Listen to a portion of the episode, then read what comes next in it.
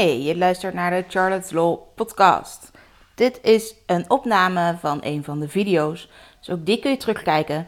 Elke dinsdag is er een nieuwe te vinden op YouTube. Charlotte, de social media jurist van Nederland.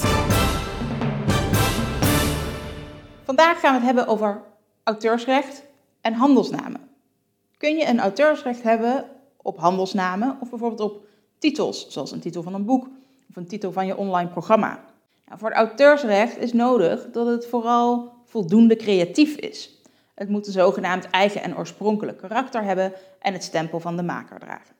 in allerlei uitspraken tot nu toe zijn eigenlijk alleen maar zinnen van elf woorden goedgekeurd om daar auteursrecht op te hebben.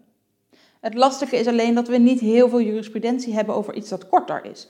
Dus of je überhaupt op één los woord, of, of misschien twee of drie woorden, wel een auteursrecht kunt hebben. Ja, nou ja, als het voldoende creatief is wel. Maar anders eigenlijk niet. Het lastige van hele korte titels, of nou ja, titels zijn nou eenmaal kort, anders is het al bijna geen titel meer, is dat het heel vaak normaal Nederlands is, of misschien een kleine verbastering daarvan, maar dat die kleine wijziging simpelweg niet voldoende creatief is. Het zal dus in elk geval altijd een risico zijn als je denkt dat je wel een auteursrecht kunt hebben op je titel of op je handelsnaam of hè, productnaam of zoiets dergelijks. Het enige wat je dus kunt doen om zoiets dan toch te beschermen is, als het gaat om een bedrijf, door het als handelsnaam te gebruiken. En dan is het ook verstandig om hem even in te schrijven of bij te schrijven bij de Kamer van Koophandel. Of als het gaat om een bedrijf of een product of een dienst, dus bijvoorbeeld ook je online programma, producten die je maakt, misschien wel een serie producten die je een bepaalde naam mee wil geven, dan kun je dat inschrijven als merk, een woordmerk.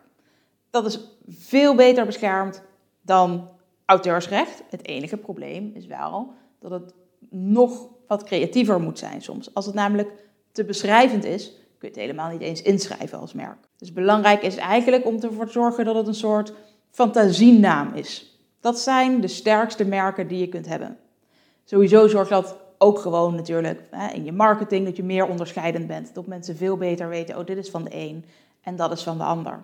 En dat het niet te veel op elkaar lijkt. We hadden het hier op kantoor bijvoorbeeld nog over, hier in de straat en eentje schuin om de hoek, zitten twee um, fastfood tenten die kip verkopen. Nou, van de een weten we dan nog wel, die heet Chicken Spot.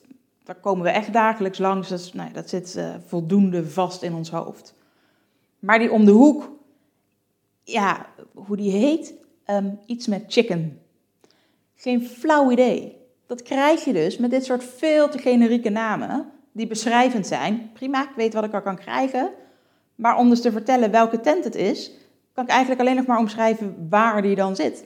Dus ook al denk je soms dat een beschrijvende naam heel handig is voor bijvoorbeeld je SEO, je zoekmachine-optimalisatie, of uh, handig met een domeinnaam, dat je makkelijk gevonden wordt, dat helpt vaak uiteindelijk helemaal niet, omdat het niet onderscheidend is. Conclusie: auteursrecht op een titel of op een handelsnaam is heel erg lastig.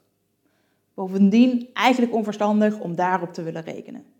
Zorg gewoon voor goede, unieke namen, zodat je voor je bedrijf dat gewoon als handelsnaam kunt registreren en dat geregeld is.